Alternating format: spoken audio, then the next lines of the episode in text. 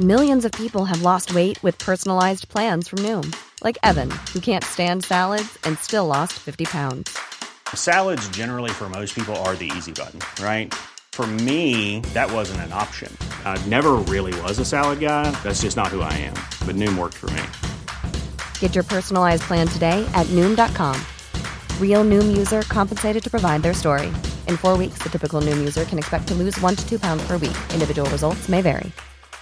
Life is full of awesome what ifs, and some not so much, like unexpected medical costs. That's why United Healthcare provides Health Protector Guard fixed indemnity insurance plans to supplement your primary plan and help manage out of pocket costs. Learn more at uh1.com.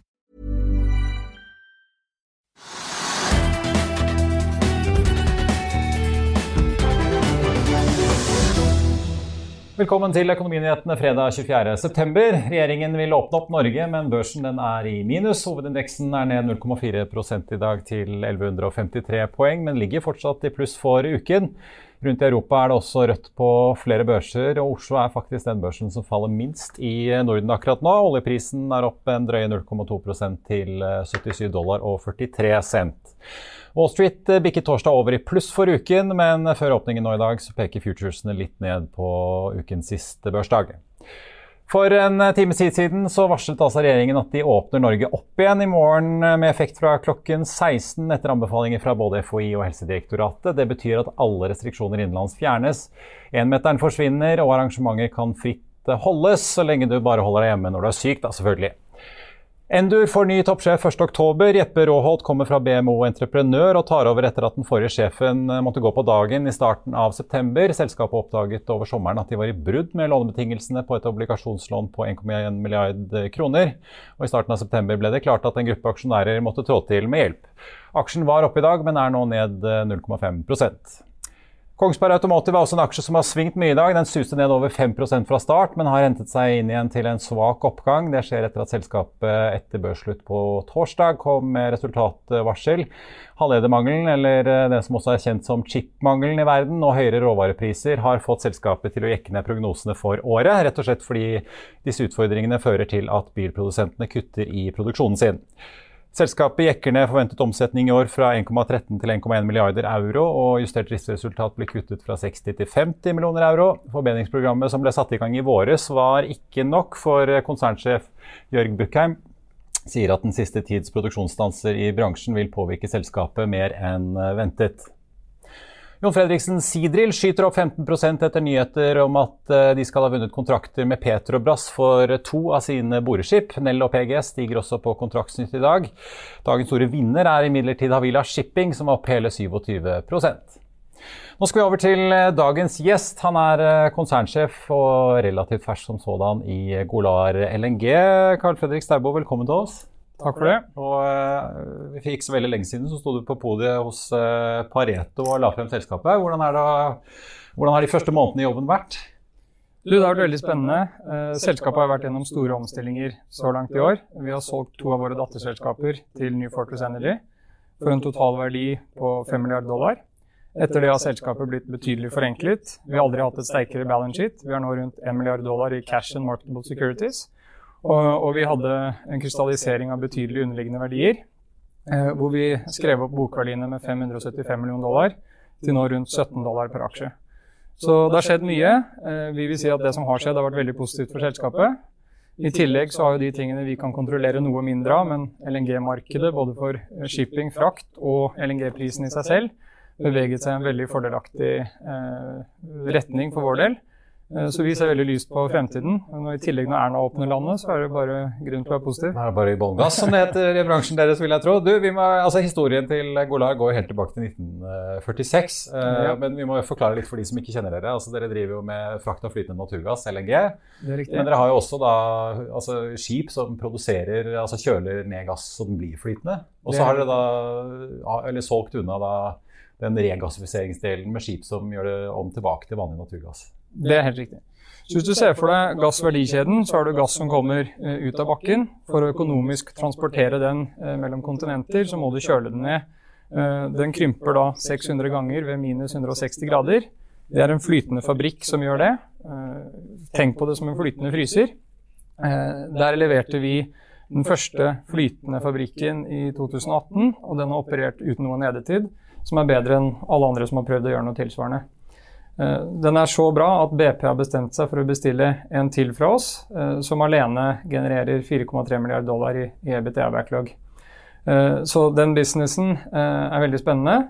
Eh, så er vi eh, i shippingmarkedet. Eh, vi har i dag en flåte på ti båter som da frakter LNG-en fra fryseren til sluttbruker, hvor da gassen må gjøres om til gassform igjen før den brennes typisk på et kraftverk. Ja. Golar fram til januar i år var i hele den verdikjeden. Men det vi så er at når gassprisen er høy, så tjener du penger på oppstrøm, altså frysere og shipping. Um, og når gassprisen er lav, så tjener du penger på importfasiliteten og kraftverket. Så det vi bestemte oss for, var for, både fordi vi så eh, gassprisen i det korte bildet, men også mest sannsynlig det litt lengre bildet, uh, vil være fordelaktig for oppstrøm. Uh, så vi ja, For dere tror på at gassprisene skal holde seg relativt høye, da? Vi tror at gassprisen de neste fem årene er betydelig høyere enn de foregående fem årene. Og vi ser også en, en viss Uh, altså fatigue uh, blant litt større majors på å ta uh, nye beslutninger, på å ta nye produksjonsenheter i bruk. og Derfor så ser du det du ser i dag, med at gassprisen er betydelig høyere. og for oss som da kan bevege oss raskt, ha en fleksibel løsning som er billigere enn alternativene, Eh, så legger det et grunnlag for det vi kaller super, superprofitt på vår eh, fryserteknologi. Ja, ikke sant? Ja, men det er det som er litt interessant, for gass er jo vanligvis veldig låst i rørledninger sånn som fra Norge ned til kontinentet. Det er jo billig for så vidt når rørene først er der, men det er jo veldig rigid. Ikke, det er ikke så lett å flytte liksom, den uh, leveransen et annet sted hvis noen trenger mer gass plutselig. Det kan jo dere, men det koster selvfølgelig da litt mer. Eh, fortell litt om markedet. Vi har jo i sendingen her tidligere snakket om de høye strømprisene, gassprisene og det voldsomme energisuget og den skvisen Europa er i. Eh, dere kan jo sende gassen til Europa, til Asia, altså hvor enn i verden den egentlig er behov for den, så lenge noen klarer å konvertere den tilbake. Eh, hva ser dere nå egentlig? Eh, jo, Det er et godt spørsmål, men også et veldig sammensatt spørsmål. Altså Hvis du tar liksom markedet som en helhet og det vi har sett skje de siste 5-10 årene, det er at Europa har eh, strukturelt eh, nedskalert investeringer i typisk eh, altså nuclear og, og gass power plant, og økt investeringer på renewables. Det du også da ser, er at du har selvfølgelig svingninger i når det er sol og vind. Det sammenfaller ikke nødvendigvis med energibehovet når gjennom dagen og når gjennom året det er størst energidemand. Og ettersom vi ikke har noen effektiv måte å lagre elektrisitet på i dag, eh, så får du mye større svingninger i elektrisitetsprisene. Ja, for det er ikke noe, altså I Norge har vi jo vannmagasiner som vi kan skru av og på. Det har man ikke med en vindbølle eller et solcellepanel. Liksom. Helt riktig. Og batteriteknologien er ikke der at det er effektivt å lagre strøm eh, over tid. Eh, så det du ser er at det er et behov for en, en, det, en base eh, supply av eh, strøm som er fleksibel uavhengig av når det blåser og når det er sol. Og der er gass helt unikt. Eh, hvis du ser for deg et eh, kullkraftverk, så kan du ikke bare skru det av og på. Eh, da, hvordan varmen bygger seg opp i eh, selve kraftverket. Jeg tror ikke vi skal gå helt inn i det. Nei, men gass er jo mer fleksibelt som sådan. Ja. Og det samme gjelder egentlig eh, altså oljedrevne eh, energikraftverk. det er veldig dyrt å skru de av og på, og veldig forurensende. Gass kan skrus på. vi hadde Sør-Amerikas største gassfyrte powerplant som en del av det selskapet vi solgte til New Fortress Energy. Det tar 90 sekunder å skru på 1,5 gigawatt. Eh, så du har en kjempefleksibilitet. Det er det vi ser, at demand for gass som en fleksibel kall det supportkilde mot en mer renewable hverdag, det er derfor uh, vi ser den demanden vi ser, både i Europa og Asia. Hvis du, på, ja, hvis du, ser på, BPs estimat for hvordan man skal tilfredsstille verdens energibehov mellom nå og 2030, så tror de på en 8% økning i energidemand. Eh, I samme periode så er det renewables som selvfølgelig vokser mest, med 11 eh, aggregert vekst i året. Eh, og I samme perioden så skal LNG vokse med mellom 5 og 6% eller 50% fram til 2030. Bakgrunnen for det er at det er den reneste av alle fossile fuel. Den er ekstremt fleksibel, og den er tilgjengelig. Men vi vet jo Elon Musk og andre jobber jo med å få batterier i garasjene til folk, så de kan begynne å lagre litt mer. Er det da den fremtidige konkurrenten din egentlig? da? Altså, helt sånn ultimat sett så kan du si at den dagen både renewables blir effektivt nok som eh, kraftkilde, både solcellepanel, eh, vindpanel og, eller vindmøller og, og, eh, hydro, og så i tillegg en effektiv batteripakke, så kan du si helt ultimat så kan du si at det er utfordringen. Uh, men, men, for alle praktiske formål, det du kan tenke på gass som, er dagens beste batteri for renewables, fordi at uh, vi kan ta Eh, de svingningene i energidemand, og veldig effektivt skru av og på eh, de kraftverkene. Vi ser jo nå, ikke sant? nå er det jo eh, I Europa har det blåst lite, det er høye CO2-priser. og liksom, Så det er jo energi, et energibehov utover det vanlige.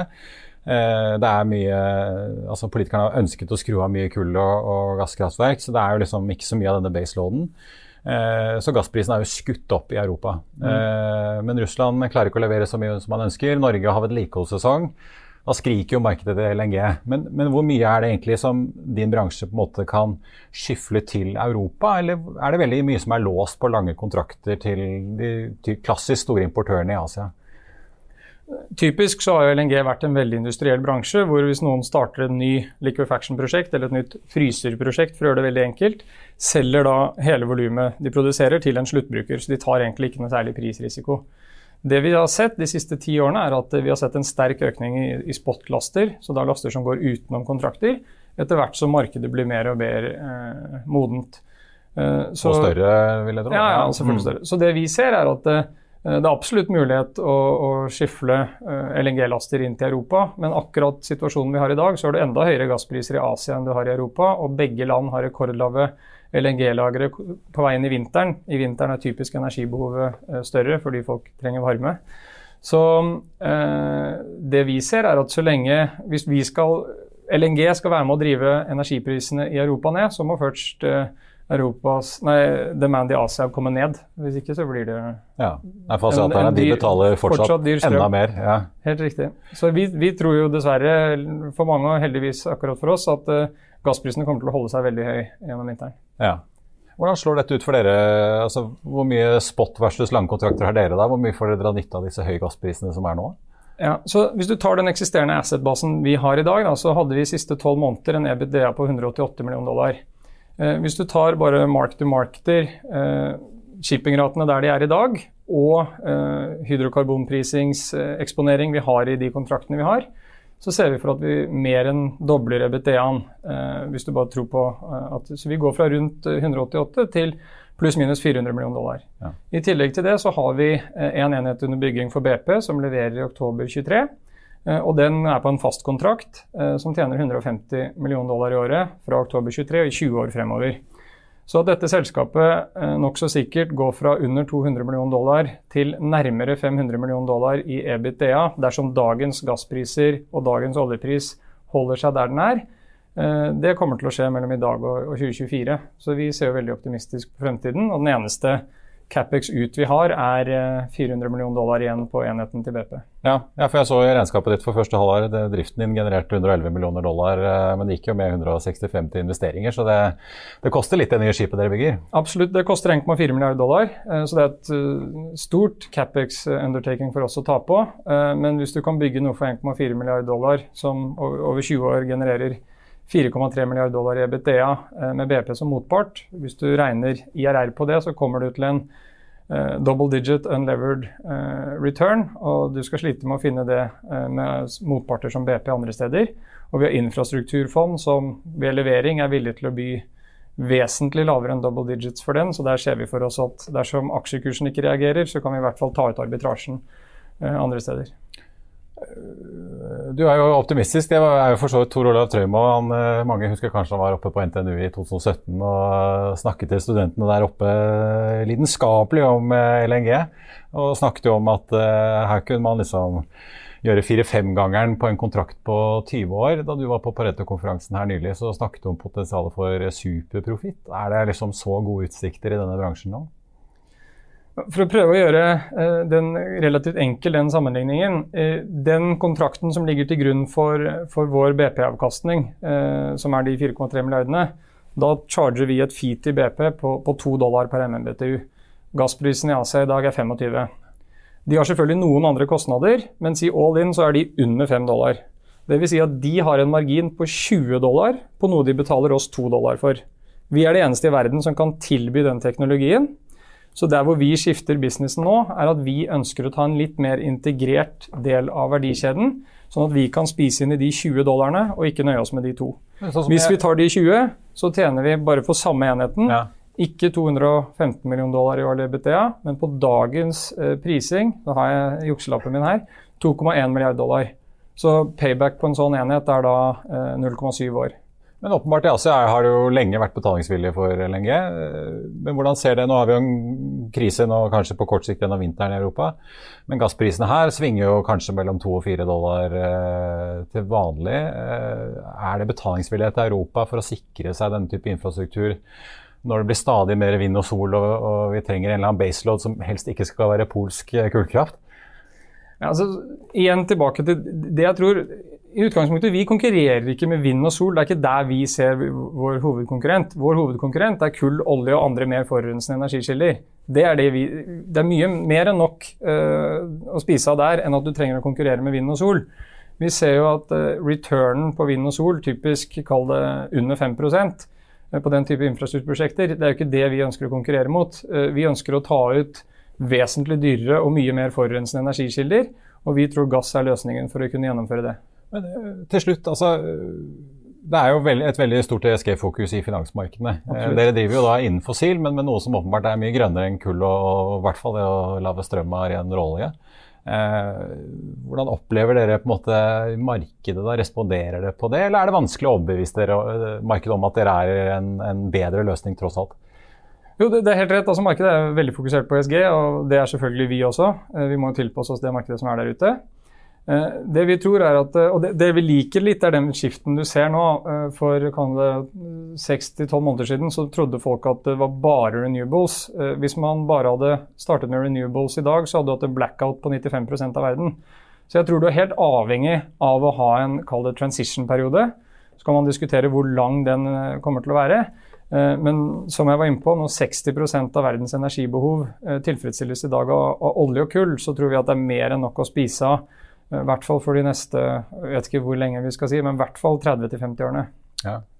Så det er lenge nok til at det er spennende for oss. i hvert fall. Ja, det høres det i hvert fall ut sånn. Og så har vi skjønt at også i Brasil er uh, sug etter LNG om dagen pga. lite vann i reservoarene. Helt riktig. Carl Fredrik Staubo i Golar LNG, takk skal du ha for at du kom, og god helg. Tusen takk for å ha oss. I'll see you in court. Vi sier det ofte litt på spøk, men for deg som driver business, er det aldri moro å innse at du ikke har laget en 100% gyldig kontrakt. Du bør ikke risikere hele firmaet ditt fordi du synes dette med kontrakter er litt stress. En avtale er ikke en avtale. Du kan miste kunder, miste venner, ja, til og med miste inntekter om du ikke lager en skikkelig kontrakt, på alt mulig, egentlig. Men vi vet det er et styr. Kopimaskiner, tregprinter og haugevis av papir. Dessuten stoler vi jo på folk her i landet. Det er ofte litt kleint å skulle be om en signatur for alt mulig, ja, for mye av styret handler også om jakten på underskriften. Det finnes en enkel måte å løse dette på, Dukkobit, en trygg, effektiv og get this, gratis måte å sikre seg en god natts søvn pluss en juridisk bindende avtale. Dukkobit-appen har de strengeste sikkerhetskrav i bunn, samt en EU-godkjent og sertifisert teknologi. Framover vil det bli behagelig å spørre du, skal vi skrive under på det, eller? Kom i gang på dokobit.no. Det er eh, snart helg, så tidligere i dag tok vi turen ut av kontoret for å finne ut hva motorredaksjonen har på gang, og som du kan lese om i Finansavisen i morgen. Halla, hvor skal vi stå? Håkon Sæbø, nå er det snart helg. Endelig helg. For en doning. Men du, bli med rundt her. For disse her gule lysene de gir jo litt sånn assosiasjoner til 80-tallet, men det er vel ikke akkurat en 80-tallsdoning dette her? Nei, eh, det BMW har tenkt er at eh, det er en assosiasjon til løpsbilene. For de har jo gule lys for å se i tåken. Så det er eh, Da blir det ekstra ordentlig. Og Når er det man kan lese om den farkosten her? Dette kommer om noen uker, tenker jeg. Først så har vi litt ladbart på lur nå til helgen. Ja, for jeg hører rykter om noe britisk, noe med stor motor og batteri. Ja, Stemmer. Jeg eh, gjør litt sånn her, litt sånn eh, God morgen Norge-aktig, og bare viser frem. Eh, vi har vært, eller Min kjære kollega Andreas har vært og kjørt Bentayga ladbar facelift. Du, Mange har jo kanskje sett eller kjørt eller eid Range Rover, Audi Q8, BMW X5. Kjente liksom SUV-luksusdoninger. Men hva er det som gjør at liksom Bentley alltid er hakket over? Nei, De spør jo på med utrolig mye skinn. Skinn er på en måte greia her. Det er, det er et fantastisk interiør.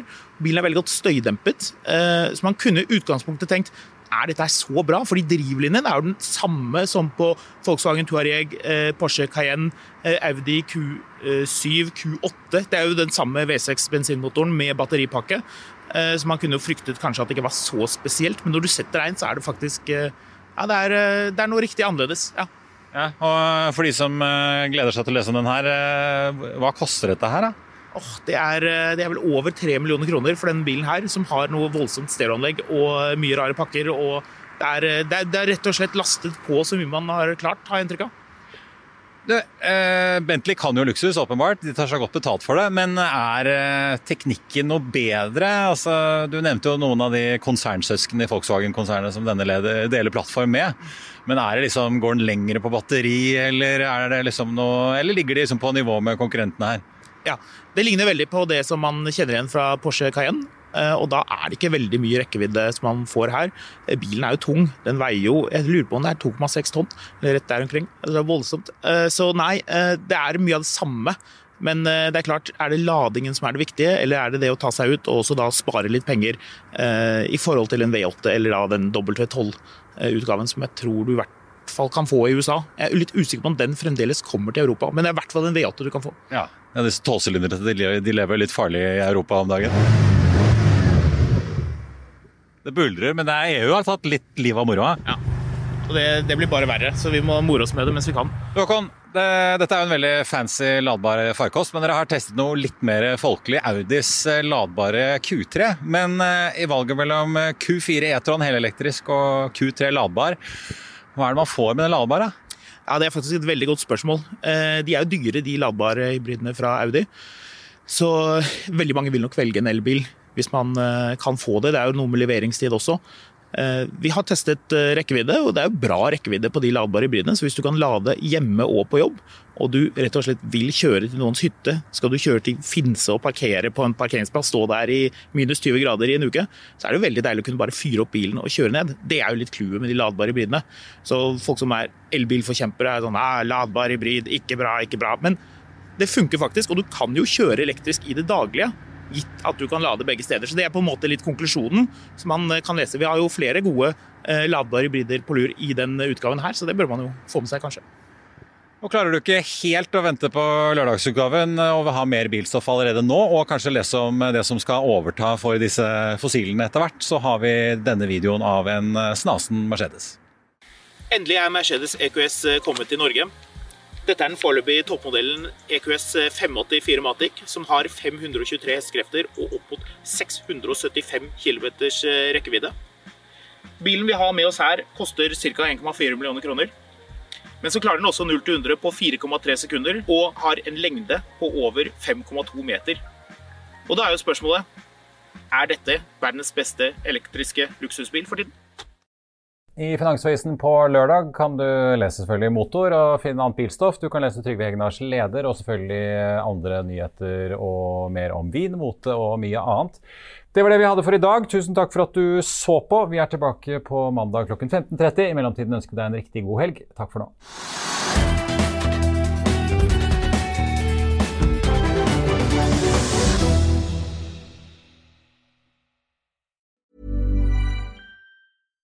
When you make decisions for your company, you look for the no-brainers. And if you have a lot of mailing to do, stamps.com is the ultimate no-brainer. It streamlines your processes to make your business more efficient, which makes you less busy. Mail checks, invoices, legal documents, and everything you need to keep your business running with Stamps.com. Seamlessly connect with every major marketplace and shopping cart. Schedule package pickups and see your cheapest and fastest shipping options from different carriers. With rates up to 89% off USPS and UPS rates. And with the Stamps.com mobile app you can take care of mailing and shipping wherever you are. Make the same no-brainer decision as over 1 million other businesses with stamps.com. Sign up with code program for a 4-week trial. plus free postage and a free digital scale. No long term commitments or contracts. That's stamps.com. Code program. Økonominyhetene er en podkast fra Finansavisen. Programledere er Marius Lorentzen, Stein Ove Haugen og Benedikte Storm Bamvik. Produsenter er Lars Brenden Skram og Bashar Johar. Og ansvarlig redaktør er Trygve Hegnar.